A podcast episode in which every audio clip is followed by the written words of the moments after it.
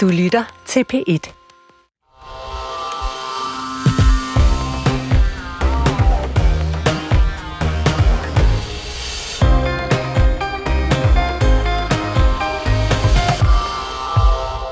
Det kan bli krig i Sverige.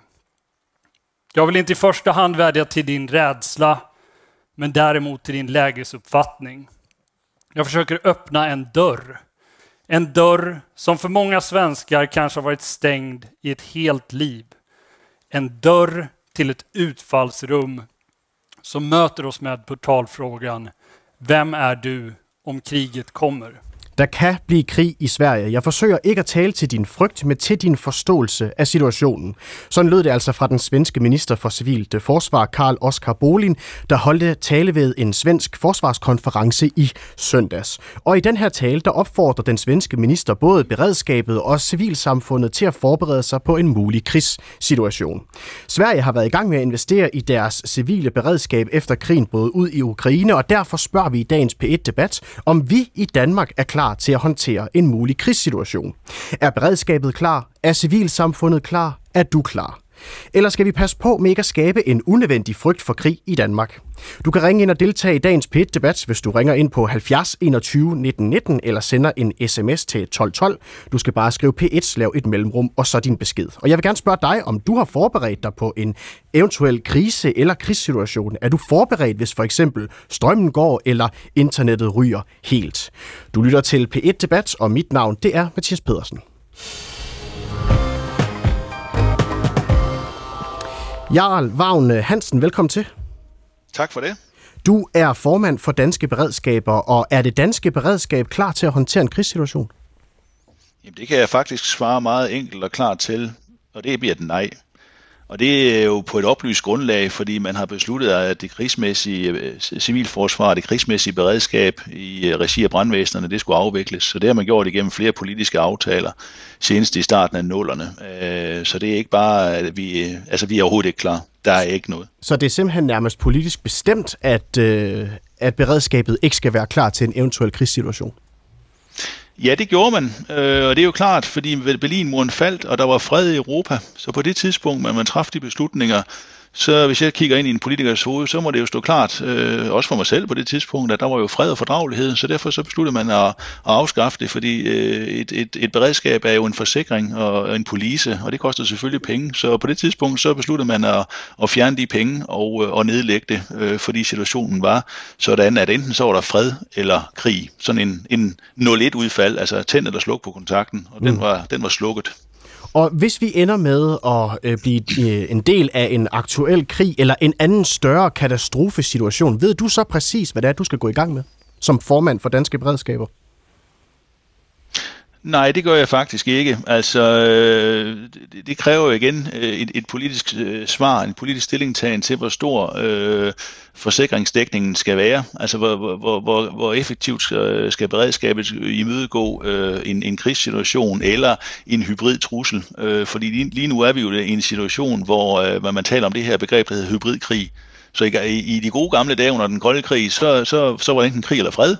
Og øh, så kom vi i en fredsperiode, og nu, nu har vi så en mulighed for, at, at vi kan stille kontakten sådan i sådan en mellemposition, der hedder hybridkrig. Men mm. konsekvenserne af en hybridkrig kan jo være lige så store som reel krig. Ja, og hvad kan det være for nogle konsekvenser?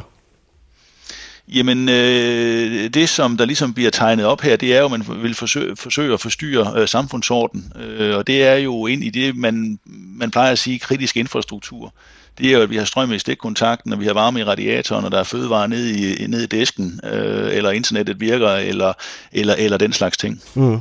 Men er det ikke dit ansvar som formand for danske beredskaber at have styr på, øh, hvad vi gør i tilfælde af, at øh, strømmen ryger fuldstændig helt i, øh, i, i, i forskellige byer, og om der er beskyttelsesrum nok osv., hvis der opstår en krisesituation? Både, både ja og nej. Vi har i Danmark det, der hedder et sektoransvar og den, der har opgaven, når, når der er fred, har også opgaven, hvis der er en krise eller der bliver krig. Problemstillingen er jo så bare, at øh, for at få det her til at spille rigtig godt sammen, så skal vi have sektorerne jo samarbejde. De skal jo koordinere på tværs, de skal øve på tværs. Og lige nu er der ikke rigtig øh, nogen, der sætter øh, kravene og kriterierne til, øh, dels hvem, hvem er egentlig kritisk infrastruktur, øh, og, og, og til hvilket niveau skal man planlægge for, hvornår skal man øve, øh, hvordan skal man evaluere, hvordan skal man følge op. Øh, der er sådan set ikke rigtig nogen, der, der forholder sig til, til, til det i øjeblikket. Øh, så det er svært som mig. Jeg er nok er formand for alle landets brandvæsener, men brandvæsenerne er jo, er jo selvstændige myndigheder, så, så det er jo mm. ikke sådan den lokale øh, brandchef, der skal afgøre øh, regionalt, hvordan niveauet skal være. Det er, det, det er jo staten, der skal sige det. Og er det et problem, synes du, at der ikke er klarhed omkring det? Ja, det synes jeg, det er. Altså, øh, jeg synes, man burde øh, sætte det her øh, højere op på dagsordenen. Jeg synes, Folketingets politikere, politikere de skulle sætte kikkerten for øjnene og så se frem. Så ligesom man har fået lavet en sikkerhedspolitisk redegørelse med, med Silma Jons i spidsen, så burde man lave en, en, en beredskabspolitisk, eller få en lavet en beredskabspolitisk redegørelse og sige, hvilket sikringsniveau ønsker vi i den situation, vi står i nu. Fordi dengang vi slukkede for det krigsmæssige beredskab, øh, der, var, der stod kontakten på fred. Uh, nu står den sådan på sådan en mellemting. Uh, vi er ikke, ikke i krig, og der er ikke nogen militær trussel mod Danmark, men, men der er nogle hybride trusler, og det, det, det, det er jo skrevet og kendt af, af alle. Ikke? Uh, der var nogle gasledninger ude i, i mm. Østersøen, der lige pludselig gik hul på, så, så, så jeg tror, det står klart for de fleste, at der sker et eller andet, som, som ikke skal ske. Og er det så ikke dit ansvar, så hvis ikke der er styr på det, så i det mindste at råbe politikerne op og bede dem om at få styr på situationen? Jo, men det, men det er så sus også undskyld, jeg næsten banner. Det har jeg godt nok også gjort lang tid. Jeg har skrevet en, øh, en ret øh, kras øh, kronik i Altinget øh, i maj måned øh, i, i øh, sidste år, øh, hvor jeg skrev, at øh, at vi har ikke musklerne, hvis der er hybridkrig, og hvis I så skal kigge over på mig øh, som sidste bagstopper i forhold til, hvis, øh, hvis der ikke er varme i radiatoren, selvom det ikke er mit ansvar, men så, vil, så kan jeg bare forudse, at man kommer til at kigge på mig over på mig alligevel, så vil jeg melde hus forbi. Så det skrev jeg i øh, uomtvistelige vendinger der, og jeg har deltaget i øh, flere debatter omkring mm. det, men det er ligesom om, at det ikke rigtig øh, trænger ind på lystavlen. Mads Fuglede, jeg håber, du kan høre mig, forsvarsordfører for Venstre. Kan du det? Ja, det kan jeg. Kan I høre mig? Ja, det kan vi. Det er strålende. Øhm, har vi i dag et uh, beredskab, der kan håndtere en krigssituation i Danmark? Ja, vi har i hvert fald et beredskab, som vi i år skal forhandle imellem forligskredsen bag forsvarsforliget om, hvordan vi gør bedre. Og en af de ting, vi skal have gjort, er, at vi skal have det strømlignet mere. Der har været tanker frem om at lave et, øh, et direkte ministerium for det, sådan at øh, det, der bliver øh, efterspurgt her, nemlig en, en, en klar rollefordeling, når det handler om øh, ansvaret for beredskabet, at det står mere øh, tydeligt. Mm. Der er jo ikke nogen direkte militær trussel mod Danmark nu, men vi står over for et mere øh, sammensat trusselsbillede end tidligere, og som benævnt, så har vi jo også haft øh, i vores nærområde især øh, det, vi må betegne som en form for asymmetrisk krigsførsel. Hvis man mm. ser på Baltikum, så bliver de jævnligt udsat for cyberangreb. Danmark har i mindre grad øh, været udsat for det, og man har migrantpres på, øh, på, på, øh, på eksempelvis Litauens grænser, eller Finlands grænser, eller Norges grænser, som er orkestreret af, øh, af Rusland på en eller anden façon. Mm. Og... Vi ved også, at der er en stor kortlægning af vores, øh, af vores kritiske infrastruktur, så øh, den beredskabspakke, vi skal forhandle i indeværende år, den skal selvfølgelig håndtere ikke bare, hvordan vi organiserer beredskabet bedre, det er jeg helt enig i. Det skal, øh, der skal ikke være så mange høvdinge på området, der skal mere være og en klar struktur der, Mads og der skal også være et, et, et, øh, et, et, en, en, et øget beredskab til et mere kompliceret trusselsbillede, end det vi, øh, øh, desværre havde vendt os til. Mm. Og når du siger, Mads Fuglede, at forligskredsen ligesom skal i gang med at forhandle om øh, en ny, hvad skal man sige, aftale for, for beredskabet, er det så fordi, at øh, man på Christiansborg har indset, at vi ikke har et beredskab, der kan håndtere store kriser i Danmark?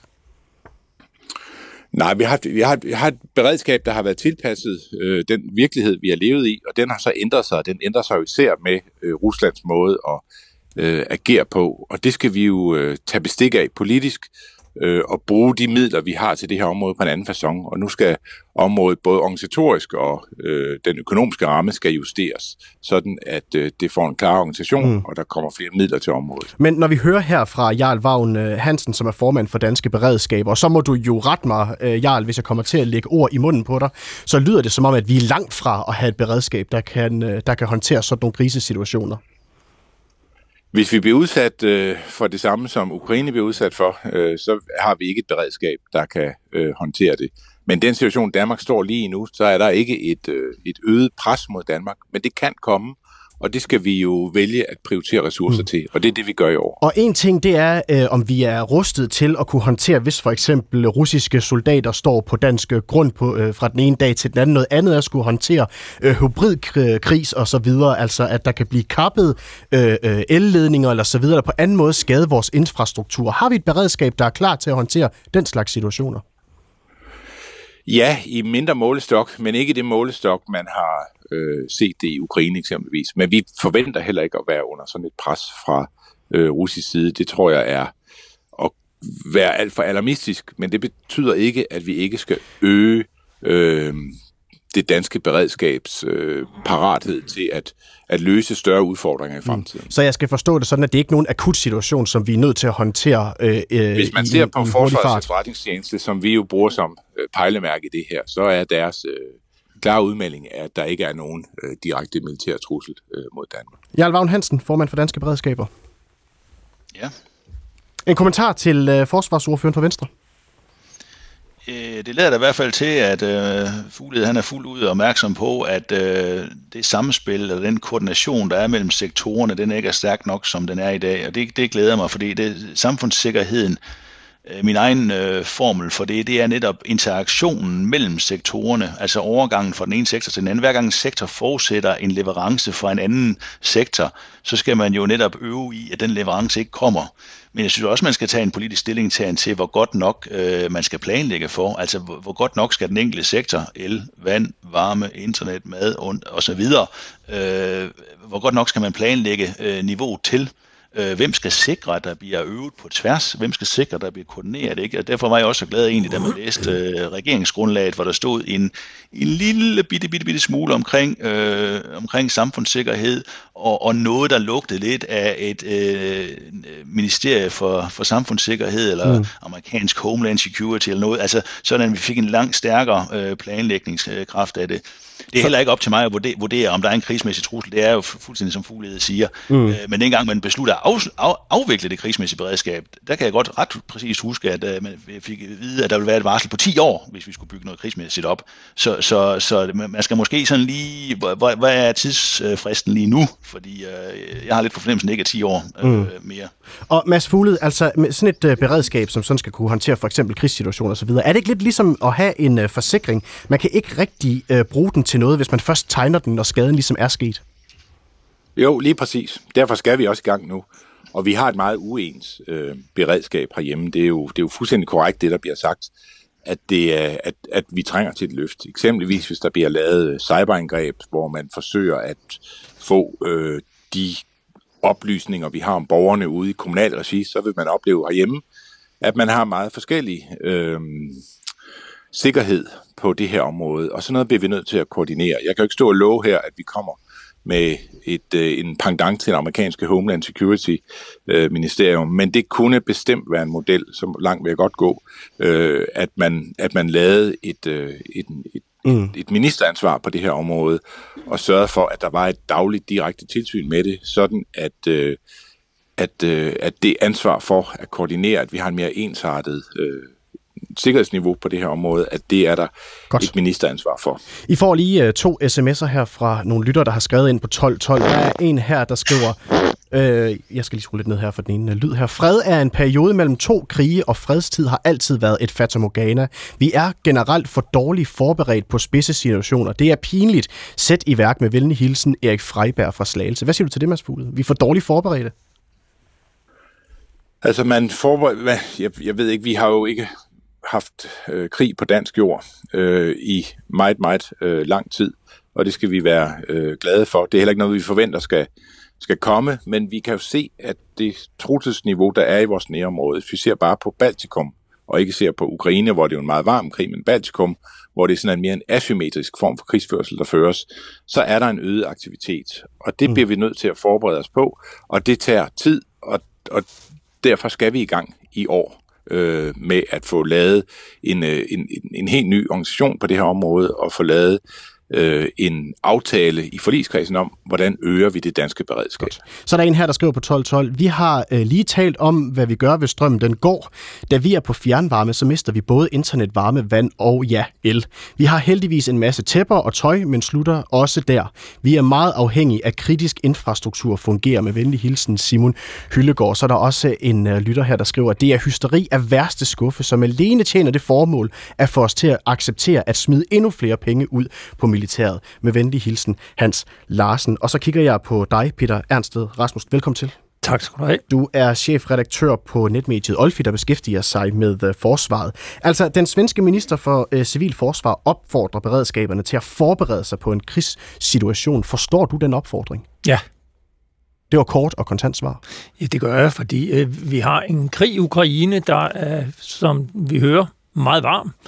Den har nu varet i to år, og vi har to år inde i krigen stort set ikke gjort noget som helst. Alle vores nabolande, Sverige, Norge, Finland, Estland, Letland, Litauen, Polen, Tyskland, opruster massivt for at være klar til at øh, imødegå en eventuel konflikt med Rusland. Og det er jo ikke mindst bare for at kunne være klar til at forsvare sig selv, det er jo også for at afskrække Rusland til at gøre noget.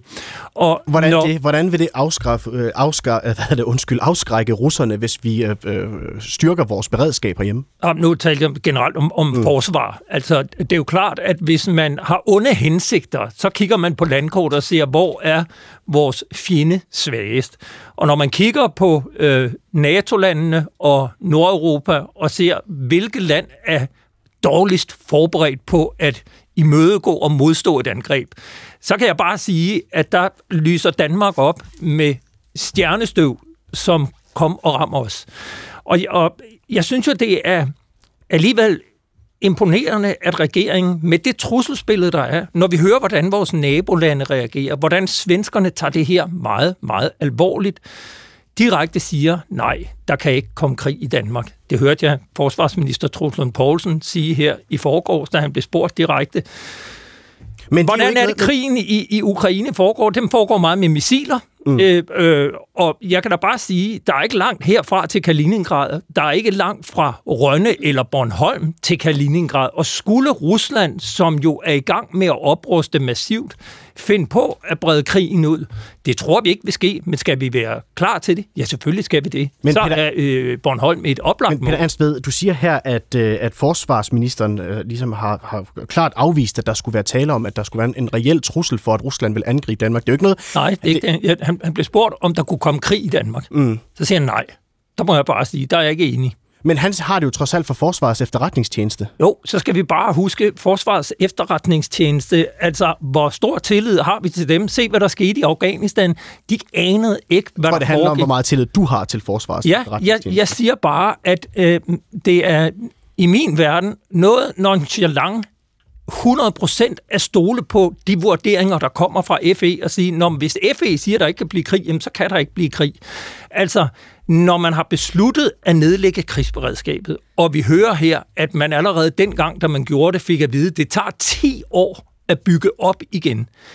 Altså, så undrer det mig, at man ikke er kommet mere i omdrejninger. Krigen i Ukraine har nu varet i to år, og der er ikke sket noget som helst. Nu skal vi til at sidde og snakke om, hvordan vi skal gøre. Altså se på nabolandene.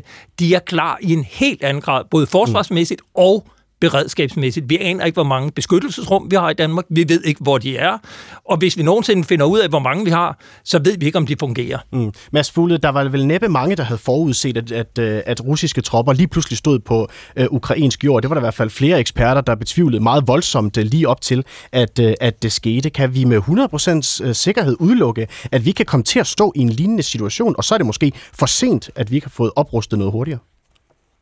Altså, der stod jo russiske tropper i forvejen på ukrainsk jord. Nu gik de længere ind på ukrainsk territorium. Vi har faktisk i meget lang tid, faktisk siden 2006, vidst, at russerne havde en særlig strategi over for Ukraine, der handlede om at destabilisere og ødelægge landet. Fra 2014 har vi vidst, at de også var interesseret i ukrainsk territorium. Først Krim, sidenhen Donetsk og Luhansk, og nu øh, forsøger de så at gå efter det hele. Øh, men det er først inden for de sidste to år, at der er kommet den øh, politiske parathed til at, øh, at gøre noget. Og det må vi jo tage bestik efter. Det er først derefter, at vi har kunne lave et øh, historisk løft af det øh, danske forsvar. Mm. Og det tager tid at øh, implementere, men der bruges øh, flere penge på det danske forsvar i den kommende periode, end der nogensinde har brugt tidligere. I, så det passer øh, ikke, når Peter Ernst ved siger, at Danmark slet ikke gør noget som helst, på trods af, at der er krig i Ukraine? Nej, nej, nej. Det er, det er, øh, det er, øh, det er overhovedet ikke rigtigt. Der arbejdes på højtryk. Jeg har i min kalender øh, mange møder øh, konstant på det her område, og vi mødes hele tiden i forligskredsen for at få øh, rullet det her løft ud af det danske forsvar, og vi kommer også til beredskabet øh, lige om lidt. Men den politiske ramme for at gøre det her mm. kom først med den fornyede interesse og, den, og Putins øh, øgede aggression øh, mod Ukraine her for nylig. Peter Ansted. Ja, altså, Mads Fuglede har jo ret i, at der bliver gjort noget. Men hastigheden, man gør det med i Danmark, er nærmest beskæmmende langsom. Altså, hvor man i vores naboland virkelig trykker speederen i bund for at få gjort noget ved det, så har vi nu øh, en lille måned inden i det forlig, der skulle være på plads, bestilt nye analyser for at finde ud af, hvordan vi skal bruge de penge. Ja, man afsætter 155 milliarder kroner over de næste 10 år. De penge kommer først ud at virke i forsvaret om 2, 3, 4 år. Og det sker samtidig med, at vi har et forsvar, der skriger på alt fra personel til køretøjer, våben, ammunition, materiel, reservedele. Mm. Der var så meget, man kunne gøre med meget kort varsel for at komme op på niveau. Altså ude i gelederne har man intet set til de penge endnu. Og, og den allerstørste udfordring for det danske forsvar, det er jo, at øh, personellet flygter. Fordi de kan ikke se nogen tiltag til, at det bliver bedre, det her. Mm. Og jeg synes, den, den øh, langsommelighed, man arbejder med, er direkte uansvarlig, og jeg mener, at det er beskæmmende at se, hvordan Danmark agerer på den trussel, der er Særligt når vi kigger på vores nabolande. Og nu taler vi jo om beredskabet her, fordi at ja. den, den svenske minister ligesom har sat ja. den de, debat i gang. Altså er det et sted, vi skal starte, eller øh, er det et sted, der lige må vente med at blive prioriteret? Det skal selvfølgelig prioriteres, og, og hele ideen om et totalforsvar, som man, som man har i Sverige, bør man jo også se på i Danmark. Altså, vi skal have, øh, vi skal have skruet op for volumen på alt, hvad der handler om sikkerhed, beredskab og forsvar. Mm. Og, og jeg, jeg synes bare, hvis vi ser på coronapandemien, hvor godt forberedt var vi på den? Altså, vi var jo fuldstændigt uforberedte.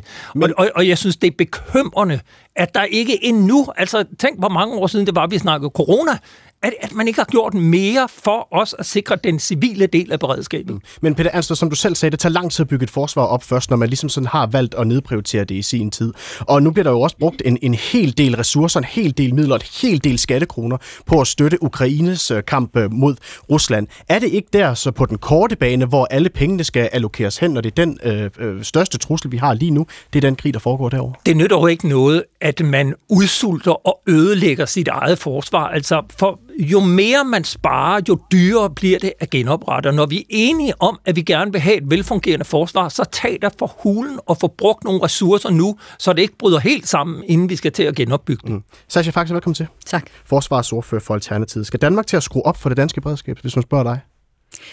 Jeg tror, det, der er vigtigt i det her, det er også, hvordan anskuer vi det her beredskab. Det bliver jo talt om som i samme åndedrag som forsvar. Og jeg tror, det er vigtigt, at vi ser på det bredere end det. Det blev der også åbnet op her fra, fra, øh, fra lige før, hvor vi snakker om pandemien. Det, vores beredskab er jo noget, der bliver brugt i mange situationer. Det skal, vi ser mere ekstremt vejr på grund af klimaforandringerne. Havde pandemien været langt mere ekstrem, så ville det jo have været en endnu større katastrofe, for vi kunne se, at Sundhedsstyrelsen med al respekt jo simpelthen ikke formåede at håndtere mm. det, og måtte udlicitere det, blandt andet til Rigspolitiet og andre institutioner, der er vant til at lave krisehåndtering. Det viser jo noget om, at vi rent beredskabsmæssigt ikke er klar. Så jeg tror, vi er nødt til at vente den om og tænke på, hvad, hvad er det her for en størrelse? Hvad skal den kunne for os som land? Men også at tænke på, at fred ikke er fraværet af konflikt eller udfordringer. Det har vi hele tiden. Så derfor skal vi være forberedt. Vi skal have en, en situation, hvor vi tænker, vi kender vores terræn, vi ved, hvad vi vil gøre, hvornår, mm. men vi skal ikke gå rundt og være bange for en krig, der kommer. Og det tror jeg er et tankesæt, vi er nødt til at vende om. Og i det ligger der jo alle mulige dele, som ikke bare krudt og kugler. Det er også et beredskab, men jeg tror, det er vigtigt, at vi tager så... beredskabet. Jamen, jeg tror, den ja. her point er vigtig, fordi lige før sagde Mads Fugled, at det skulle være en del af forsvarsforligkredsen, der forhandler det her. Det synes jeg faktisk er problematisk. Et, vi er ikke med, så jeg kommer ikke til at være med, det er den ene del. Men den anden del er, at hvis vi går ind og kigger på, på beredskab kun for et forsvarsmæssigt synspunkt, så laver vi en af fortidens endnu en gang altså problemstillinger og sender en, en regning ind i fremtiden, hvor vi ikke er forberedt på de andre kriser, det også skal kunne håndtere. Så jeg tror, det er vigtigt, at vi hiver det ud, så vi simpelthen siger, det handler ikke kun om mm. krig, det handler om vores liv og sikkerhed. Men den konkrete situation lige nu, hvor Sverige i mm. hvert fald taler meget om, om beredskab, og netop i øh, set i kontekst af øh, krigen i Ukraine, er det ikke øh, det billede, som vi er nødt til at forholde os til også i Danmark, eller er det fuldstændig uaktuelt i den her situation for os? Men jeg synes, det, at der er mange ting omkring det i forhold, forhold til Sverige, der er vigtigt at bemærke. Sverige har været neutralt og har en, en helt anden tradition i forhold til det her. Sverige har også jo bekendt kulør på en anden måde, så de dybest set ikke står som neutral længere, fordi de har lavet en ansøgning til NATO, og derved har blotlagt sig selv, men stadig ikke er optaget. Så, så de står jo i et andet trusselsbillede, end vi gør. Af den simple årsag, kan man sige. Derudover, så derfor så behøver vi ikke at tage øh, krigen i Ukraine i betragtning, når vi taler om, hvordan vi skal øh, opbygge vores øh, beredskab senere hen? Jeg tænker, vi skal tage alle de udfordringer, der er i betragtning, og krigen i Ukraine er absolut en af dem. Men, der er jo... men det er ikke presserende, hvis man spørger dig? Altså, jeg tillader mig måske lidt større udstrækning, også som, fordi jeg politikere skal have stor respekt og, og, og hvad hedder det, tillid til de informationer, der kommer fra vores institutioner, så at have tillid til, at når Forsvarets efterretningstjeneste kommer med sådan en udmelding, så, så lytter jeg til den. Men, men når det så er sagt... Nej, men, så men, er... Et øjeblik, du skal nok få lov til at uddybe, men, men jeg vil godt lige holde fat i lige præcis den der pointe der. Ja. Altså, den aktuelle situation i Ukraine øh, bør ikke have indflydelse på, hvordan vi sådan helt konkret indretter vores fremtidige beredskab lige nu. Nej, for det er ufornuftigt kun at reagere på én udfordring. Det fornuftige er at sige, at der er mange typer udfordringer, vi skal kunne håndtere, og hvis vi kun reagerer på én, så, så, så ser vi ikke vores altså fulde terræn af ting, udfordringer, vores beredskab skal kunne håndtere. Så laver vi os kun på én type udfordring, og så får vi ikke det beredskab, vi har brug for i Danmark til at kunne klare stormfloder, ekstreme pandemier, andre krigsførelser. Men er det ikke også en større opgave så, hvis beredskabet det skal kunne håndtere alle former for katastrofer og udfordringer? Så tager det vel endnu længere tid, hvis vi skal til at, øh, at have et øh, beredskab beredskabsstyrelse, som kan håndtere alle de udfordringer, som du riser op der? Jo, men man behøver jo ikke at sige, at, at øh, så skal vi ikke gå i gang, og det er det, der skal være vores forhindring. Vi er jo nødt til at lægge en plan ud og gøre det, og derfor er analysen jo også et godt sted at starte. Det er også godt at gå med de lavt hængende frugter, men jeg synes, det er vigtigt at sige, at vi skal ikke være reaktive. Vi skal simpelthen sætte os ned og tænke fornuftigt omkring det her. Giv Mets, velkommen til. Ja, tak skal du have. Forfatter og kommentator. Altså, er der grund til at kigge på vores øh, svenske naboer i øjeblikket, når de taler om, at øh, den svenske befolkning og beredskab altså skal indstille sig på, at krig, det kan altså være en mulighed? Jamen, som det allerede er sagt, så er Sverige jo noget lidt andet. Deres historie er anderledes end vores, og deres nærhed til Rusland har betydet, at deres forhold til, til Rusland har været anderledes. Vi har, vi har for eksempel aldrig været i krig med Rusland. Men da de så er sagt, så må man jo også lige sige, at øh, når Sverige kommer ind i NATO, hvad Sverige jo gør, så vil et øh, angreb mod Sverige jo betyde storkrig. Og det vil et angreb på Danmark også betyde. Så, så står vi i en situation, hvor jeg havde nær sagt, at hver snak om beredskab kan jo sådan set være ligegyldig, fordi så får man faktisk det, der ligner verdens undergang. Og lad os så håbe på, at det ikke sker. Det håber vi jo alle sammen Så fordi, Geomester, vi... så, fordi, nej, må, jeg, må jeg lige sige færdig? Du skal nok ja, så, fordi, så fordi, at vi er medlem af NATO, så behøver vi ikke tænke så meget i beredskab? Jo, det gør vi jo også, fordi når det militære beredskab har vi jo i høj grad til gode set. Det er jo ikke helt rigtigt, hvad Peter Ernst siger, selvom jeg har stor respekt for Peter Ernst ved hans fremragende program i, i fire, som jeg altid hører. Det er meget, meget øh, udmærket. Men det er også noget, øh, skal vi sige, temperamentsfuldt. Fordi beredskab, det militære beredskab, øh, viser sig jo alene ved, at vi hælder ret mange penge i Ukraine med god ret. Og for nylig har statsministeren sat sig op i et kampfly for at demonstrere Danmarks øh, engagement i det her. Om man brød sig om demonstrationen eller ej, så var det i hvert fald øh, at vise, at Danmark begav noget. så er det danske øh, de danske politikere så været tilbøjelige til at sige, så har vi ordnet det med de 2% i NATO. Og det passer jo ikke ifølge NATO. Og der vil jeg sige som internationalist, at først og fremmest skal man opfylde sine internationale forpligtelser, og selvfølgelig skal Danmark komme op på de der 2%, også i sit eget militærberedskab. Mm. Men så begynder det også ligesom at ligne noget. Og lad os hele tiden huske, at det krigsberedskab, det er noget, som skal føre mod fred. En hver oprustningsmål er nedrustning. Ellers har det ingen mening. Hvordan? En hver Hvad, krig... hvad, hvad betyder det? Ja, det betyder, at du opruster for at komme ned, komme hen på et punkt, hvor du kan nedruste igen. Således det, der skete i øh, den kolde krig, det begyndte med en stor oprustning, oprustning fra 1948 frem, mm. og så kom murens fald som bekendt, hvorefter man roligt kunne nedruste. Så havde man faktisk opnået et mål. Men Geomets, den logik der, er det ikke det, der er årsagen til, at vi står i en situation nu, hvor vi skal til at bruge en masse penge på Jo, forsvaret? det vil det hele tiden være, fordi vi kan ikke forudsige fremtiden. Men hvis det man tager kan mega lang må jeg lige tid- sige, vi har, en, vi har i øjeblikket, vi har en tilbøjelse til, vi mennesker, at vi, når vi er ude i en situation, så opfatter vi det som normal tilstand. Lige for tiden opfatter vi denne her situation som normal tilstand. Men vi har faktisk haft en normal tilstand fra 1989 til Putins indmarsch i Ukraine, eller hvis man skal være lidt stram, et par år før. Uh, for eksempel overfaldet på Georgien, som vi er tilbøjelige til at glemme. Men hvor altså, vi faktisk har haft et fredsberedskab med god ret. Jeg kan da ikke bebrejde politikerne, at de udnyttede fredsdividenden. Peter Ernstved, er det meningen, at vi skal øh, opruste for at så nedruste igen? Altså, jeg kan sagtens følge Geomets logik, og han har jo ret så langt, at, at øh, det var jo fordi, at øh, USA satte hårdt mod hårdt, og så knækkede Sovjetunionen til sidst og brød sammen. Øh, jeg tror også bare, det er enormt vigtigt at sige, at øh, når vi opruster nu, så er det jo lige præcis for at undgå krig. Altså, hvis man vil undgå krig, så skal man forberede sig på krig. Fordi det er sådan, det virker. Altså, vi skal signalere over for Rusland, at vi er stærke nok til, at det kan ikke betale sig at angribe os. Så kan det jo godt være, hvis der kommer fred og fordragelighed i verden om en 15, 20, 30 år, at man tænker, nu skal vi skære lidt ned. Det er bare meget svært ved at forestille mig, fordi det er jo lige præcis det at have musklerne, der gør, at ingen får lyst til at øh, gå efter den fristelse at gå ind i andre lande. Og derfor der synes jeg faktisk, at det er en utrolig fornuftig rettesnor, NATO har sagt, at for at undgå, at landene nu falder helt af på forsvar, så bliver vi nu enige om, at polisen, det er 2% af BNP. Og den eneste grund til, at den rettesnor, den blev indført, det var jo fordi, at de europæiske lande nedrustede og afviklede deres forsvar mm. i en hast, som gjorde, at Europa til sidst ikke kunne forsvare sig selv, og USA betalte 75 af NATO's udgifter, så ja, Geomets, en kort kommentar, så skal vi byde velkommen til, til nogle lytter, der har ringet ind. Jamen i den her proces synes jeg, at det er meget, meget vigtigt, fordi vi, jeg tror egentlig virkeligheden ikke, at vi er særlig uenige, at man selvfølgelig skal have et militærberedskab i sådan en situation og bygge et eller andet op, og så, som sagt, vi gør det ved at, at yde temmelig mange våben til Ukraine med god ret. Men man skal hele tiden i den proces huske at tale undskyld, jeg siger det, fredens sag.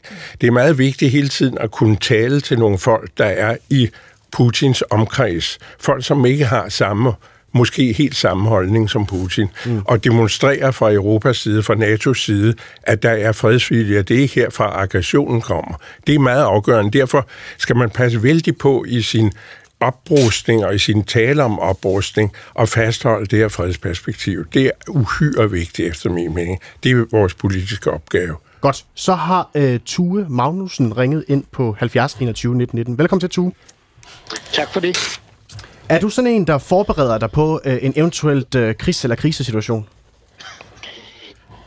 Nej, øh, jeg tror ikke så meget, det er en individuel ting. Jeg tror snarere, at man skal øh, tænke i et helt andet spor. Der vil jeg så tage øh, tråden op for det, som Geomets øh, sagde, nemlig at øh, målet må jo være en fred. Og derfor er en øh, politisk løsning snarere meget vigtigere end at lave en militær oprustning. Og der vil jeg især pege på én ting. At i værste fald, så kan de igangværende krige, og det gælder især øh, krigen i, øh, i Ukraine jo, øh, føre til en egentlig atomkrig. Og den måde, man bedst kan undgå, at atomvåben bruges, er jo ved totalt at forbyde dem. Og der synes jeg, det er beskæmmende, at øh, Danmark ikke har tilsluttet sig FN's traktat om forbud mod atomvåben, som jo sender et klart signal om, at øh, atomvåben under alle omstændigheder, enten det drejer sig om opmagasinering eller øh, at man mm. giver dem til andre lande, er det dels uacceptabelt. Så skal jeg Så jeg forstå... synes, at det første skridt i et øh, beredskab er at prøve at søge fredens vej. Det gør jo Magnussen, ikke... Tue Magnussen, Ja. øjeblik. Øh, Skal jeg forstå det sådan, at du synes, at vi er for meget fokuseret på oprustning frem for det, det diplomatiske og politiske spor? Ja, klart. Du kan lige få en uh, kommentar fra Mads Fuglede, the øh, forsvarsordfører for Venstre. Har han ret i det, uh, Mads Fuglede, at uh, vi simpelthen får fokuseret på oprustning og lidt for lidt på uh, politik og diplomati? Nej, de to ting uh, hænger jo nøje sammen. Vi har jo taget fredsdividenden hjem igennem en længere uh, periode og har brugt færre og færre ressourcer på vores forsvar. Og øh, nu lever vi i en anden tid, hvor det er nødvendigt at have et, et, et højere niveau øh, i hele Europa, når det handler om evnen til at forsvare sig selv, og ikke blot forsvare sig selv, men også have en mulighed for at hjælpe Ukraine med deres eget forsvar. Så de to ting skal vi løse. Oven i det er der så også muligheden for øh, asymmetriske angreb, som russerne også har brugt i vid øh, omfang. Og vi skal kunne imødegå alle de her ting. Mm. Og det ville selvfølgelig være rarest, hvis vi øh, kunne få det øh, Rusland tilbage, der fandtes under Boris Jeltsin, i hvert fald når det handlede om deres, øh, de signaler, de sendte til Vesten og deres ønsker om at samarbejde med os. Men det Rusland findes ikke lige nu.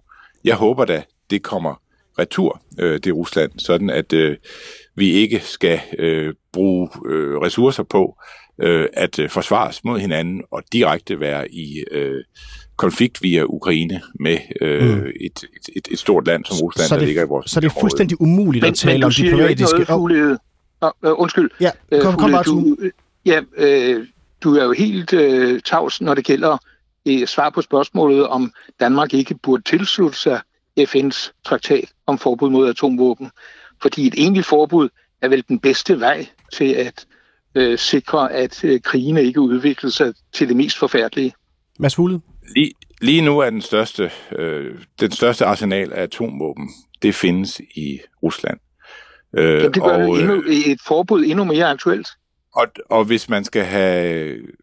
Jamen, jeg, tror, jeg er ret sikker på, at Rusland vil være ligeglad med sådan et forbud. Og derfor er vi desværre i den situation, at de bestræbelser, der har været igennem 90'erne og 0'erne på at øh, få en afrustning også på hvad angår andelen af atomvåben øh, i verden, at det går nu den modsatte vej. Og i den periode, der skal vi selvfølgelig ikke øh, frasige os den atomparaply, som er med mm. til at sikre os. Men det betyder jo omvendt ikke, at du ikke har ret i, at øh, det ville være ønskværdigt, hvis vi kunne komme tilbage til den dialog med Rusland, hvor vi ikke øh, fornyer vores atomvåben, men øh, er med til at afspænde hele verden og få færre atomvåben i verden. Det ville da være ønskværdigt.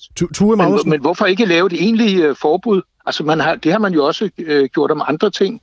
Uh, der er forbud mod tortur, der er jo også i national lovgivning mm. uh, forbud mod drab og sådan noget. Godt, du får Tue, Tue, uh, kort, svar, kort svar, kort svar ja. fra Mads Fugle, så skal vi altså videre i programmet.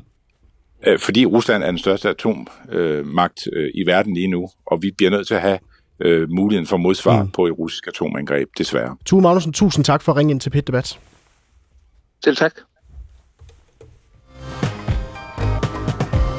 Og så får I lige en øh, uh, sms her også fra en uh, lytter, der hedder Rune. Den er lige lidt, uh, lidt lang, så hold lige uh, fast her. Hej og tusind tak for at tage et virkelig, emne, uh, virkelig vigtigt emne op. Jeg sejler på Danmarks største redningsskib og er brandmand, når jeg ikke er ombord. Alle både ved søredningen og brandvæsenet taler altid om, hvor vildt det er, at vi kører i veteranbiler, som han skriver. Mangler udstyr og kæmper bare generelt for at holde vores stationer kørende. Redningsberedskabet øh, i Nordsøen og Skagerak uden for 30 sømil i dag er kun dækket af et skib, Nordsøen, og det er fra Skagen og helt til den dansk-tyske grænse. Et skib til et brændende øh, øh krydstogsskib øh, undskyld, med 6.000 ombord. Held og lykke. Det er dybt frustrerende at arbejde i de danske beredskaber og se, at intet sker. Med venlig hilsen. Rune, du nikker, øh, Peter Ernstved.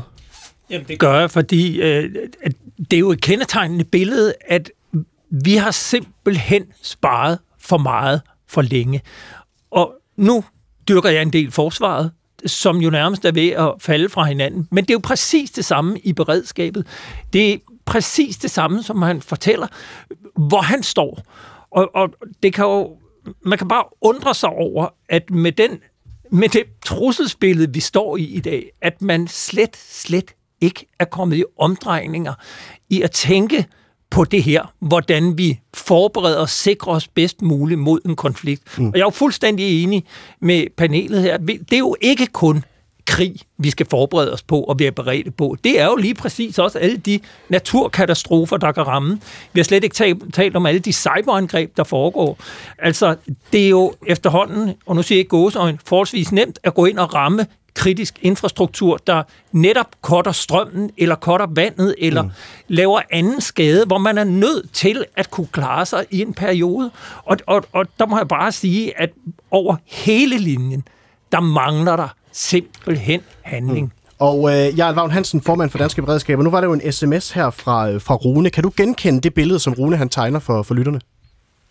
Ja, det kan jeg faktisk godt. Altså, øh, fredsdividenden var jo som sagt blevet, blevet høstet øh, fuldt ud, og så kan man så sige, vi har også derefter været udsat for, for nidkære spareøvelser, hvor man har underkastet os sådan øh, Excel-regnearkets lyksaligheder og optimeret på beredskabet.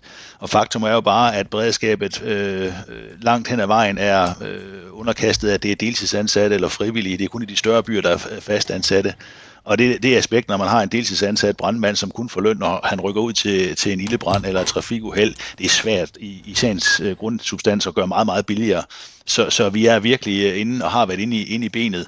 Og på den anden hånd, så har vi så det her nye trusselsbillede, hvor vi er i en situation med hybridkrig. Vi har øh, også, som øh, der blev sagt fra, øh, fra, fra ordføreren, øh, at, at, at, at vi har det her voldsomme vejr, klimaforandringer, øh, øh, den grønne omstilling osv., så, så, så vi har virkelig øh, tallerkenen fuld af, fyldt, fyldt af opgaver i øjeblikket, mm. så, så det kan jeg godt sætte mig ind i. Og det eneste grund til, at vi lykkes med det, det er faktisk, fordi vi har nogle fantastisk dedikerede og dygtige medarbejdere, som, øh, som bakker op om, øh, om beredskabet. Sascha Faxe, forsvarsordfører for Alternativet. Skal der investeres massivt i beredskab beredskabet. Altså, fordi hvis, hvis, man, hvis man skal tage øh, Jarl Vagn Hansens øh, ord her for pålydende, så lyder det altså som om, at der er lang vej igen, hvis vi skal have et professionelt og, og velfungerende beredskab. Jamen, det der er vigtigt hele tiden i det her. Altså, det, vi, vi starter med at snakke med penge, om penge her, ikke? I frem for at sige, hvad er det, vi gerne vil opnå? Fordi jeg, men er det ikke også ret væsentligt at snakke om penge i jo, forhold til, hvor meget men, vi skal men, bruge? Men det er jo, hvor vi starter. Du starter i pengene, jeg starter i, hvad er det, vi gerne vil opnå? Og hvis vi siger, at det er det, vi har brug for, jamen, så skal vi finde pengene til det. Mm. Jeg er helt med på den med de 2%, som, som ligger i forhold til, at det er vores police i forhold til NATO. Men hvis vi siger, at vi skal opruste og bare bruge, så, så er vi simpelthen nødt til at sige, hvad er det, vi skal bruge det her på? Og det er jo noget af det, vi kan se, der er sket her efter først, altså, at der var den her med, der bliver, nu skal I komme op på de 2%, så kommer krigen i Ukraine, jamen så har vi jo rettet mange penge over i krudt og kugler og over i Ukraine. Vi har ikke valgt at sige, se på personeldelen for eksempel, hvad skal der til for at fastholde mm. vores pers- personale i, hvad hedder det, i militæret. Og det ene ting er, at de er frustrerede over arbejdssituationen, men der er også nogle arbejdsvilkår, der gør, at folk simpelthen ikke har lyst til at blive hængende. Ikke? Hvad skal vi gøre i forhold til cyberangreb? Hvad skal vi gøre i forhold til fredsforskning og, og, og så videre, så videre? Fordi det, der er jo skåret ned ikke kun på militæret og beredskabet, men også på diplomatiet. Så må du rette mig, hvis det er, jeg, jeg ligesom hører forkert, men det er som om, at du stiller en masse spørgsmål, og ikke har så mange svar på, hvordan vores beredskab skal se ud. Jamen det, jeg vil meget gerne komme svar på det, men du startede i pengene. Mm. Og jeg vil gerne vende den anden vej rundt og sige, hey, vi skal have en analyse og af det, det her. Er det meningen, vi skal have et beredskab, hvor folk de arbejder fuldtid og ikke baserer sig ja. på, på deltidsfrivillige osv., og, og så, men så skal vi vel også øh, øh, investere massivt i det? Det er jo ikke, fordi der ikke skal bruges penge på det. Jeg siger bare, inden du sætter beløbet, og inden vi siger massivt, eller ekstra massivt, eller kæmpe massivt, så er vi nødt til at sige, hvad er det, vi gerne vil opnå. Mm. Georg Mats, du har markeret. Nå, men jeg står med et spørgsmål om noget, jeg heller ikke har forstand på. Uh, det er sådan noget som uh, beredskabet, altså det, civile, det nationalcivile beredskab. Uh, det forekommer mig som uh, temmelig vanvittigt, hvis det ikke er noget, der bliver koordineret, koordineret meget stærkere med NATO og med EU. Altså ellers er det jo ret meningsløst. Så er det lidt som at tale om klimaet, at man er nødt til at lave det her fuldstændig i fællesskab. For jeg kan godt se det meningsløse i, at der kun er et skib, der sejler op og ned af Jyllands vestkyst. Det lyder temmelig åndssvagt. Mm. Men det må man så se i den sammenhæng, der så er, hvor man så lægger... Øh, jeg kan huske, at man også betaler for øh, fyrvæsen i den persiske golf, i gamle dage i hvert fald. Altså man fordeler på en eller anden måde på verdensplan, og i vores tilfælde på europæisk plan.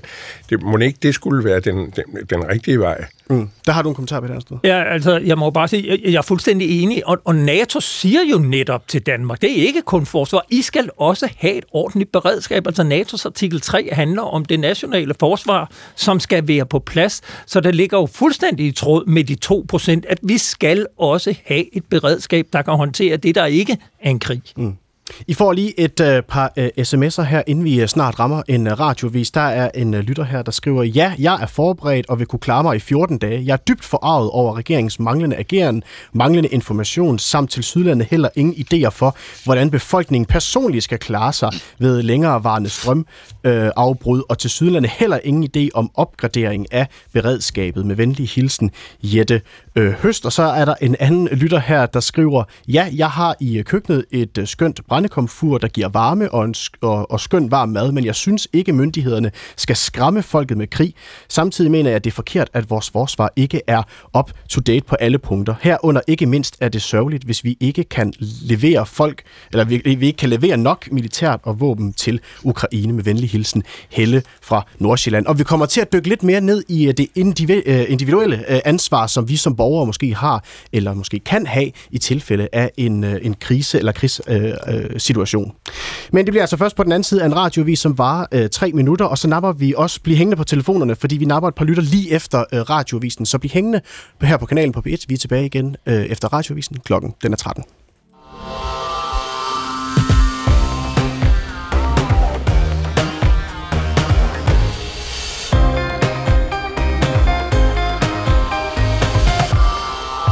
Är du privatperson? Bra! Har du tagit ansvar för din hemberedskap? Har du funderat över om du har tid över att gå med i en frivillig försvarsorganisation? Om inte, sätt igång.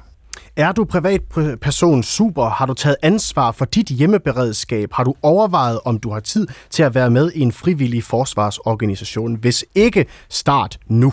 Sådan sagde den svenske minister for civil forsvar, Karl Oskar Bolin, da han talte ved en svensk forsvarskonference i søndags.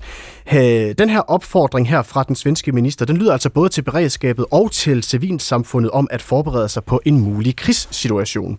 Vores egen forsvarsminister mener dog ikke, at vi skal, øh, eller mener dog, at vi skal passe på med at skabe unødvendig frygt, fordi vi ikke er i den samme situation som i Sverige. Vi fortsætter debatten her, hvor vi øh, stiller spørgsmålet, om vi bør forberede os på krig herhjemme, eller skal vi skrue ned fra krigs, krigsretorikken og mane til ro. Du kan ringe ind på 70 21 19 19 eller sende en sms til 1212. Du skal bare skrive på et lav et mellemrum, og så din besked. Mit navn er Mathias Pedersen, og velkommen tilbage til P1 Debat.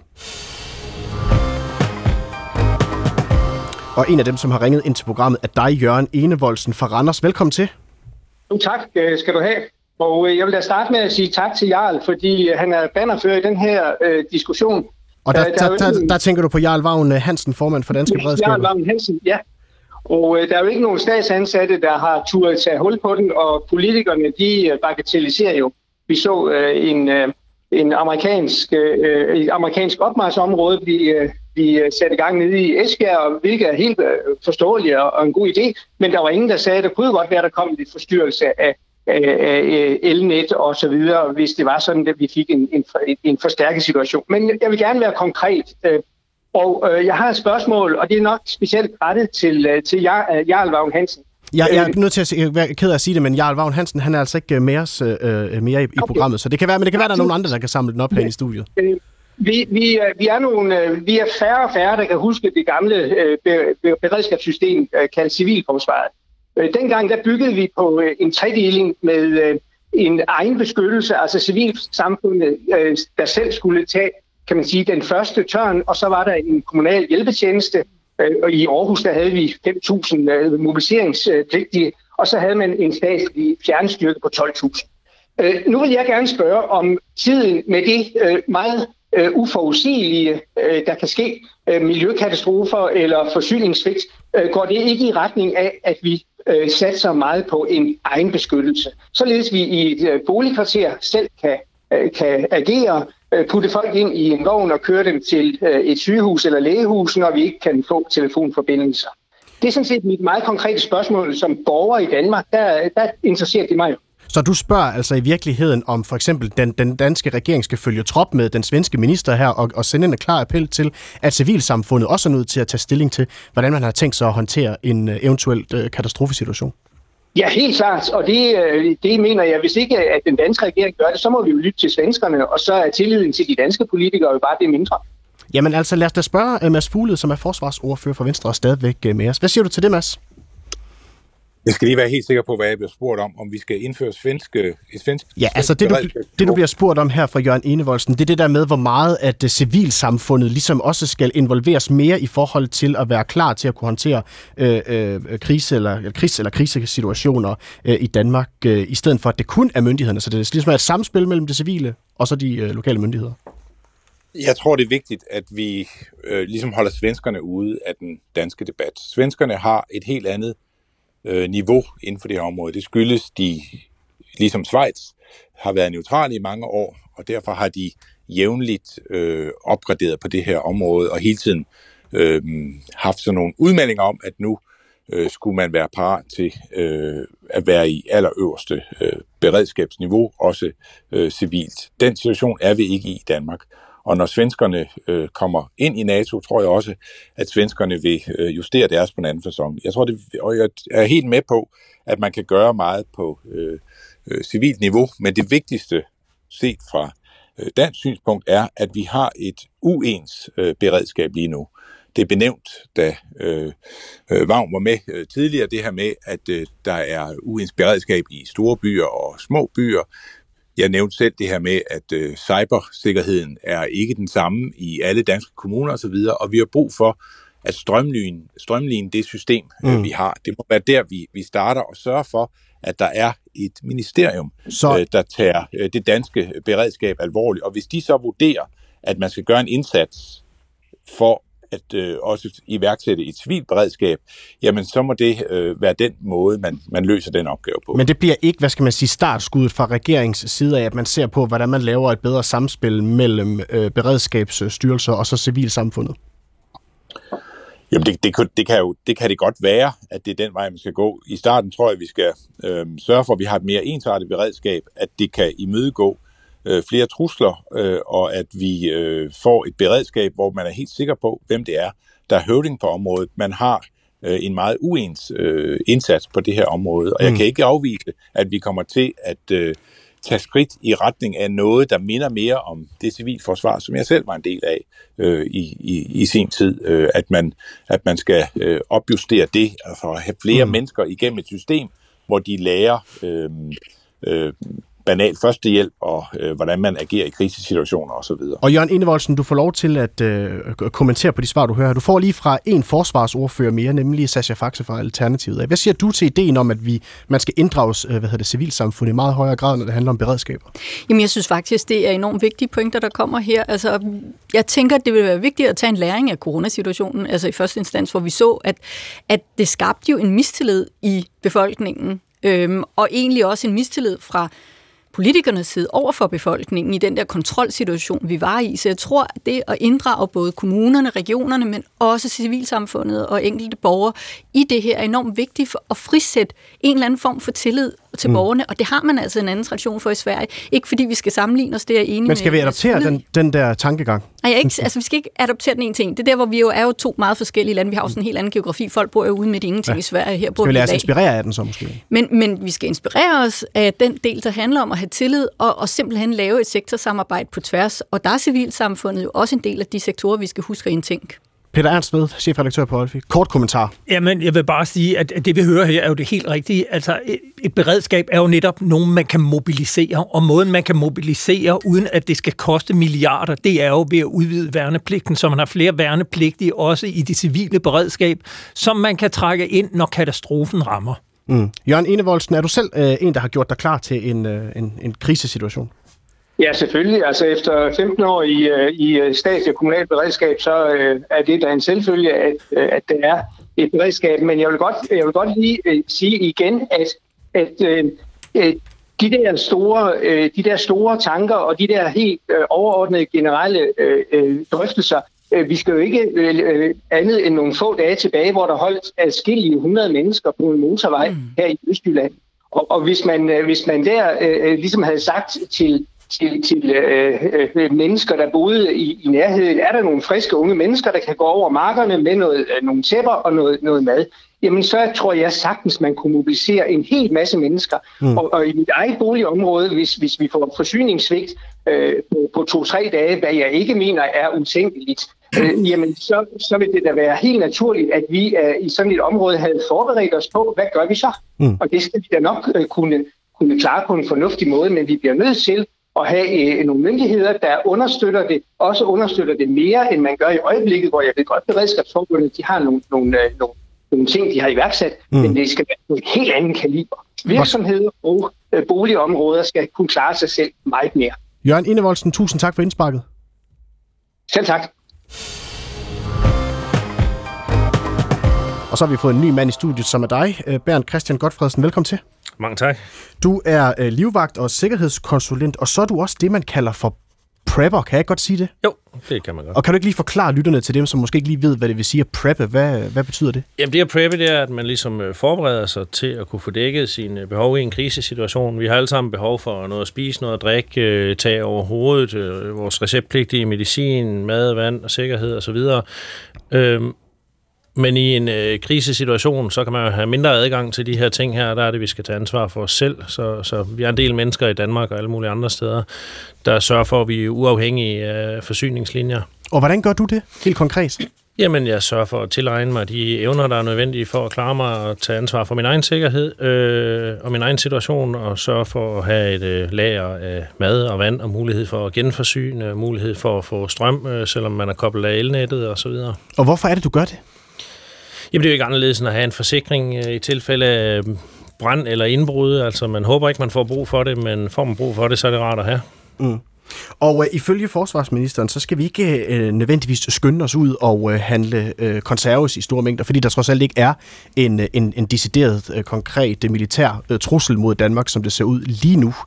Øh, er, det, er, det, er det så ikke unødvendigt at gå ud og, og købe konserves og, og, og putte alt muligt ned i sin, sin kælder? Altså, vi prepper, vi skynder os ikke ud og gøre noget som helst. Vi har gjort det i forvejen, så når en krise rammer som corona eller Ukrainekrigen, så læner vi os bare tilbage og har det ganske udmærket og bruger vores overskud til at hjælpe andre. Så du var ikke en af de der typer, der løb ned og hentede toiletpapir ned i den lokale brus, da corona startede? ikke. De har det stående allerede. Og er, er det her noget, man mm, som andre mennesker bør lade sig uh, inspirere af? Ja, der er forskellige grader af prepping. Altså bare det, du i din bil har et førstehjælpskit, eller en sneskovl, eller snekæder, eller lignende, det er jo fordi, du prepper til et eller andet scenarie, som måske, måske ikke sker, men det er rart at have. Så jeg vil altid anbefale, at folk de tager ansvar for egen sikkerhed, og ikke har en forventning om, at staten har evner eller ressourcer til det, fordi det viser sig gang på gang verden over, at det har de ikke. Så uh, synes du, det her det er noget, som man sådan fra statsligt niveau af måske bør, øh, hvad skal man sige, opmuntre den enkelte borger til at, at gøre sig tanker? Lidt ligesom man lidt gør i Sverige lige nu. Altså, man kan opmuntre alt det, man vil, bare det ikke får karakter af tvang, ligesom under coronaen. Øh, jeg synes bare, at folk generelt selv skal tage til den og sige, nu laver vi små lokale samfund, hvor vi kan støtte hinanden i krisesituationer. Mm. Så det her med at lige at have, øh, hvad skal man sige, nogle batterier, eller øh, konserves, eller noget vand, eller tæpper og så videre liggende nede i kælderen, det er ikke noget som sådan. Du synes, staten måske lige sådan skal opfordre folk til at have liggende? De kan jo nævne det for de mennesker, der ikke har lagt mærke til, at vi er i en mere og mere skrøbelig verdenssituation. Øh, det er fint nok at melde det ud, så længe det ikke bliver noget med krav. Mm. Mads Fugled, forsvarsordfører for øh, Venstre. Er det her noget, som man sådan fra statslige niveauer af bør, hvad skal man sige, øh, systematisere på en eller anden måde, eller komme med nogle anbefalinger, eller en, en pjæse for eksempel, som man jo har gjort det tidligere øh, omkring den kolde krig, og som man jo stadigvæk gør i Sverige i noget omfang? Ja, vi skal, ikke, vi skal ikke i gang med det, som de gør i Sverige. Jeg tror også, svenskerne kommer til at gøre noget, der minder mere om det, vi gør, når de er en del af den sikkerhedsgaranti, som, som NATO er. Men og hvad er det, vi gør? Ingenting, eller hvordan er det, jeg skal forstå? Nej, men altså svenskerne har jo et, et helt anderledes øh, beredskab, fordi Sverige har forberedt sig på igennem mange, mange år på, at hvis der kommer krig i verden, hvor Sverige er involveret, så vil de stå helt, helt øh, alene, og derfor er det mere sandsynligt, at de bliver involveret i sådan en krig. Sådan har Schweiz også et helt anderledes beredskab. Det bruger man mange, mange, mange ressourcer på, ressourcer man kunne have brugt på andre ting. Og vi, politik er jo at prioritere ressourcer. Jeg tror ikke, vi øh, prioriterer at øh, få Danmark hen et sted, hvor vi er på det niveau, som Sverige var, øh, da de var øh, neutrale øh, og stod uden for den sikkerhedsgaranti, som NATO er. Men det betyder mm. ikke, at vi ikke kan gøre mere for at øh, få et bedre beredskab. Det har jeg sagt mange gange i den her udsendelse, at det er det, vi arbejder på, og de forhandlinger, der begynder i indeværende år, har det sigte både at se på organisationen omkring beredskabet, mm. og sørge for, at beredskabet bliver mere ensartet og har et højere niveau på en række områder. Så Men- er der et civilt ansvar af det, og der synes jeg jo, det er meget fornuftigt, det der bliver sagt her. Hvis man ved, at man ikke kan undgå at køre i ekstrem vejr, så er man sikker på, at man kører på en,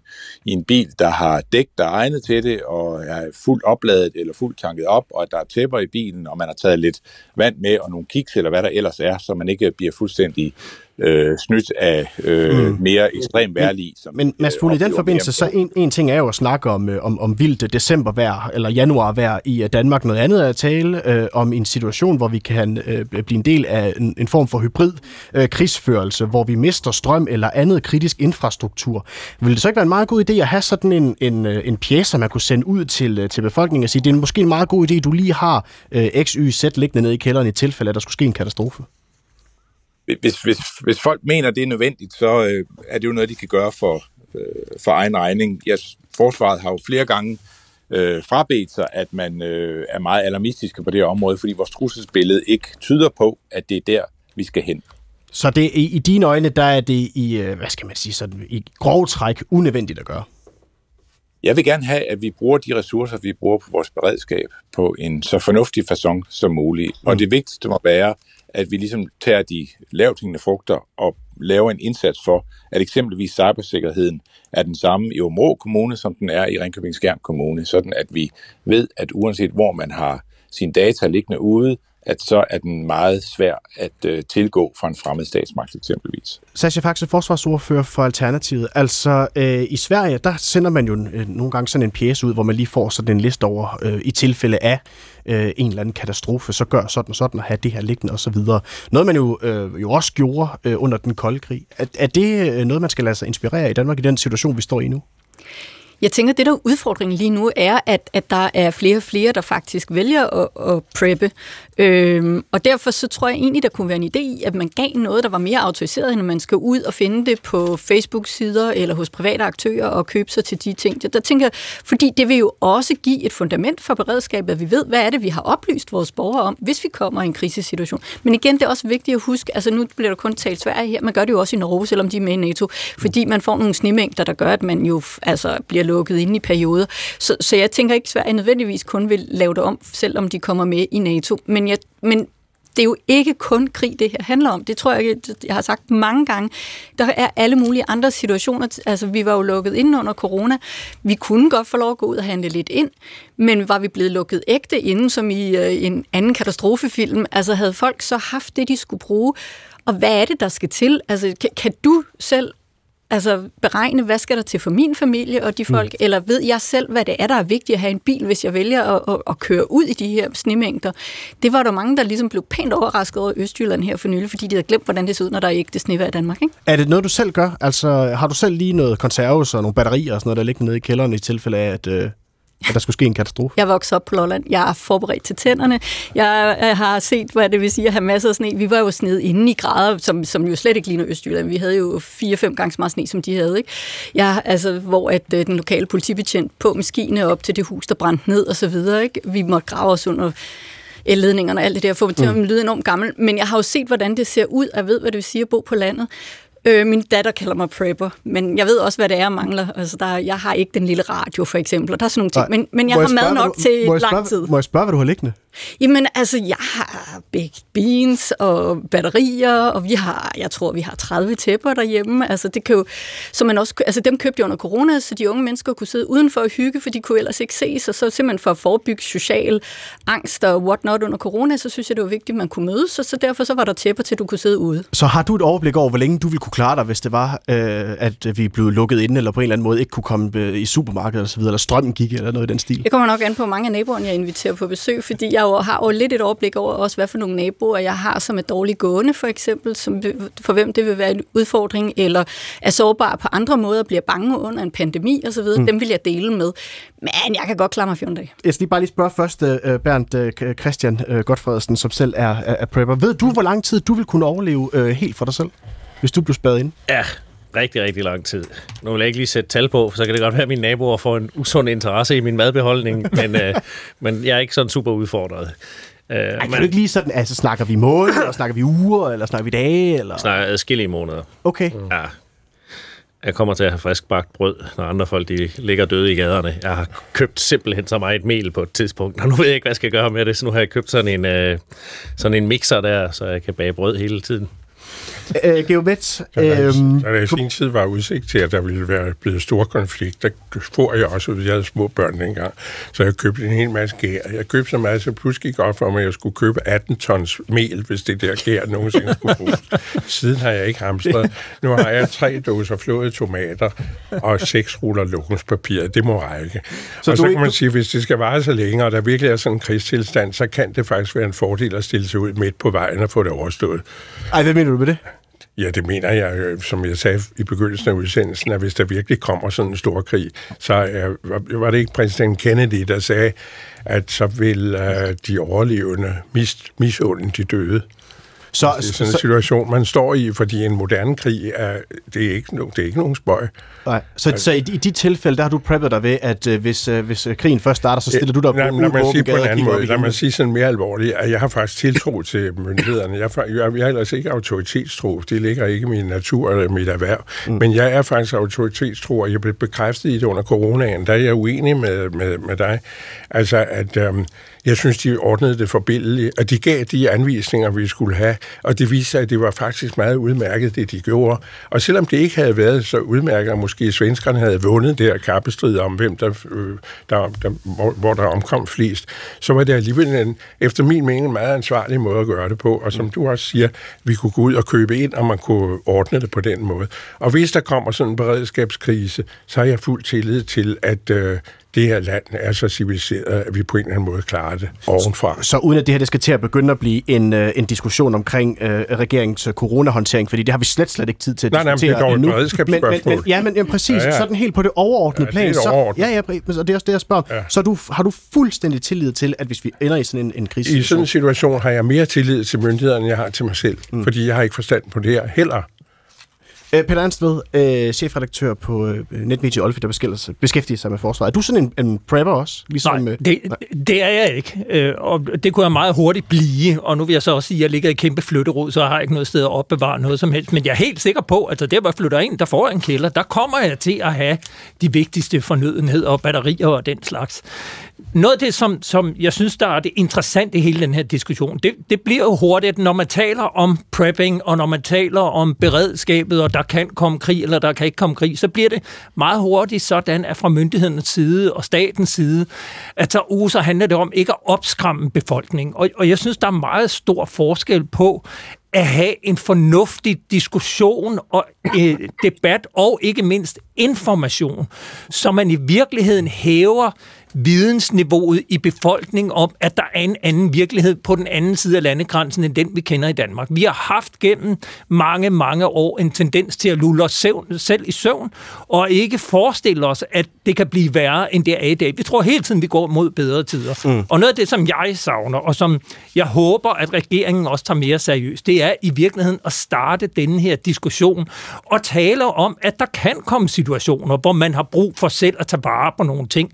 Og det med at udsende en pjæse, som i øvrigt organisationen Folk og Sikkerhed har gjort i denne her uge, øh, det er jo bare et lille bitte skridt, og det handler ikke om at skræmme befolkningen. Det handler om at uddanne og klæde på og skabe tryghed. Og man kan sige, i min verden, der skaber det der mere tryghed, at vi har den debat. Vi finder ud af, hvor er hullerne, hvor er det, der ikke er noget beredskab, sådan at borgerne også selv kan organisere, organisere sig i civile afdelinger, og hvad man gør, så man er forberedt, når der er hæftigt snevejr, eller der er stormflod, eller at strømmen går. Og der håber jeg i virkeligheden bare, at vi kan begynde at få den diskussion, og så sørge for, at regeringen og politikerne sørger for, at der også kommer det overstatslige niveau, der sørger for, at det bliver koordineret på en ordentlig måde. Mm, og der er en uh, lytter her, der skriver på 1212, at pjæsen altså godt kan bestilles fra Sverige til Danmark. Det er vi flere, uh, som har gjort. Mads Fugled, er du selv sådan en, der har gjort dig nogle tanker om, hvad du gør i en, i en konkret krisesituation? Altså som civilmand, øh. ikke som forsvarsordfører for Venstre. Nej, nej, nej, som civilmand. Jamen, jeg bor jo uden for landslov og ret i en meget, meget lille landsby, der hedder Wingel, og vi kører jo altid ind, så vi har til næsten hele ugen, fordi der er så langt til nærmeste sted, jeg, jeg kan handle. Så, så jeg tror sådan helt naturligt, at jeg har et ret højt øh, niveau, hvad angår, øh, hvad jeg skal gøre, hvis der sker en eller anden uforudset situation. Mit store problem vil nok mere at være alt det mad, jeg har i fryseren, hvis strømmen går, end om der er mad i fryseren. men, men er der et behov for, at vi tager en samtale omkring nogle af de her ting her på sådan lidt mere overordnet plan, så det ikke er hele, der ligger på, på statens skulder, men også at civilsamfundet kan tage over i en eller anden grad? Altså jeg tror, det er vigtigt, at det er noget, som offentlig myndighed ligesom holder øh, i hånd og hanke, sådan at det øh, foregår på en façon, så det fungerer. Civilsamfundet er rigtig vigtigt. Hvis man tager sådan noget som da øh, flygtningestrømmene øh, kom i starten ud af øh, Ukraine, der var øh, det rigtig godt, at der var et civilsamfund, der gjorde en masse. Men det var også rigtig skidt i mange omgange, at der var rigtig mange, der kørte mod den polsk-ukrainske grænse for at hjælpe, og det var ikke alle, der gjorde det øh, med de bedste hensigter. Så det er ikke noget, der bare øh, løser alting. Det fungerer, hvis det er sådan, at det civile beredskab har en eller anden form for øh, rettesnor øh, at gå efter, og det er bedst, når ballonen går op i den ene eller anden forstand, at det er øh, offentlig myndighed, man lytter til, frem for hvad naboen har tanker om det her. Bernd uh, Christian Godfredsen, livvagt og sikkerhedskonsulent. Ja, men jeg synes, det er vigtigt lige at sige, at prepping er ikke noget nyt, nyt koncept. Nu har det bare fået et navn eller en diagnose. Altså indtil for 100 år siden, der var det jo normalt, at alle folk de havde et rum i huset med mad til, hvis høsten den slog, slog fejl, eller hvis man snede inden og så videre. Så det er fordi, i virkeligheden så er det bare forsvundet. Det er sådan en lost skill, fordi at vi er blevet lullet i søvn af, at vi har jo ikke rigtig haft nogen store problemer siden 1945, da krigen sluttede. Øh, fordi teknisk set, så fred det er jo en anomali i Europa. Vi har jo været plaget af krige i århundreder indtil da. Øh, så vi har haft den her lange pause, der har gjort, at vi kun lige svagt husker vores bedsteforældres øh, problemer øh, under krigen. Øh, så det er faktisk... Øh, det er ikke noget nyt, så, så det er bare, man skal lade være med at mystificere det alt for mig. Det var mm. det, jeg lige vil pointere. Og så har jeg jo set den der pjæse, der, der udkom den anden dag. Den er faktisk god. Det bærer tydeligt præg af, at det er en privat organisation, der har lavet den. Og det, det, er, den, det er den fra, fra Sverige, du snakker om? Nej, den øh, danske, der kom en eller anden fra noget folk, folk, og sikkerhed. Folk og sikkerhed folk og udgivet en pjæse, ja. som ligger på nettet. Den er også blevet trygt og kommer i første oplag på fredag, og mm, de håber kunne få sponsorer til at kunne uddele den i første omgang på Bornholm, men den kan hentes på nettet på Folk og Sikkerheds hjemmeside. Ja. Tasha Faktor, nu markeret. Ja, altså, som, altså der, der er jo tre historikere til stede i dag, så, så jeg vil godt lidt udfordre det, du kommer med det, Bernd, hvis det, hvis det er okay i forhold til, hvad vi... Altså, man kan sige... Er du en af historikerne? Jeg er en af dem, Mads Fuglede en anden, som jeg har læst sammen med, og, og Geo er en, er en tredje. Så det er mere bare for at sige... Det, altså, det, den der mængde af krig, det kan godt føles sådan nogle gange, når man tænker på historieundervisningen i skolen, at det er sådan, det ser ud. Men så meget krig har vi faktisk ikke haft. Det, jeg tror, der er vigtigt i det her, det er, at det her, det handler altså om fred. Altså, vi skal tænke på alt det her, vi gør, det gør vi for at skabe fred, det vil at skabe, skabe stabilitet og skabe sikkerhed. Så vi skal ikke gå der, hvor vi hele tiden tænker krig, krig, krig. Vi skal tænke, det er noget, der giver tryghed. Det er noget, der gør det rart at være menneske. Det giver det dejlige samfund at bo i. Men det betyder ikke, at der ikke er konflikter. Det betyder ikke, at der ikke er kriser.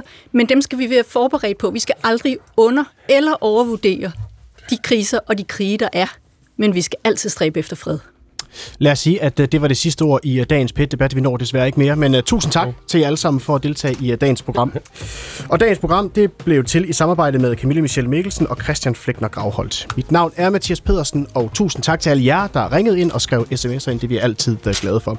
PET-debat er tilbage igen i morgen til sædvanlige tid. Indtil da, så lyttes vi ved i DR-app, uh, DR Lyd-appen. Undskyld.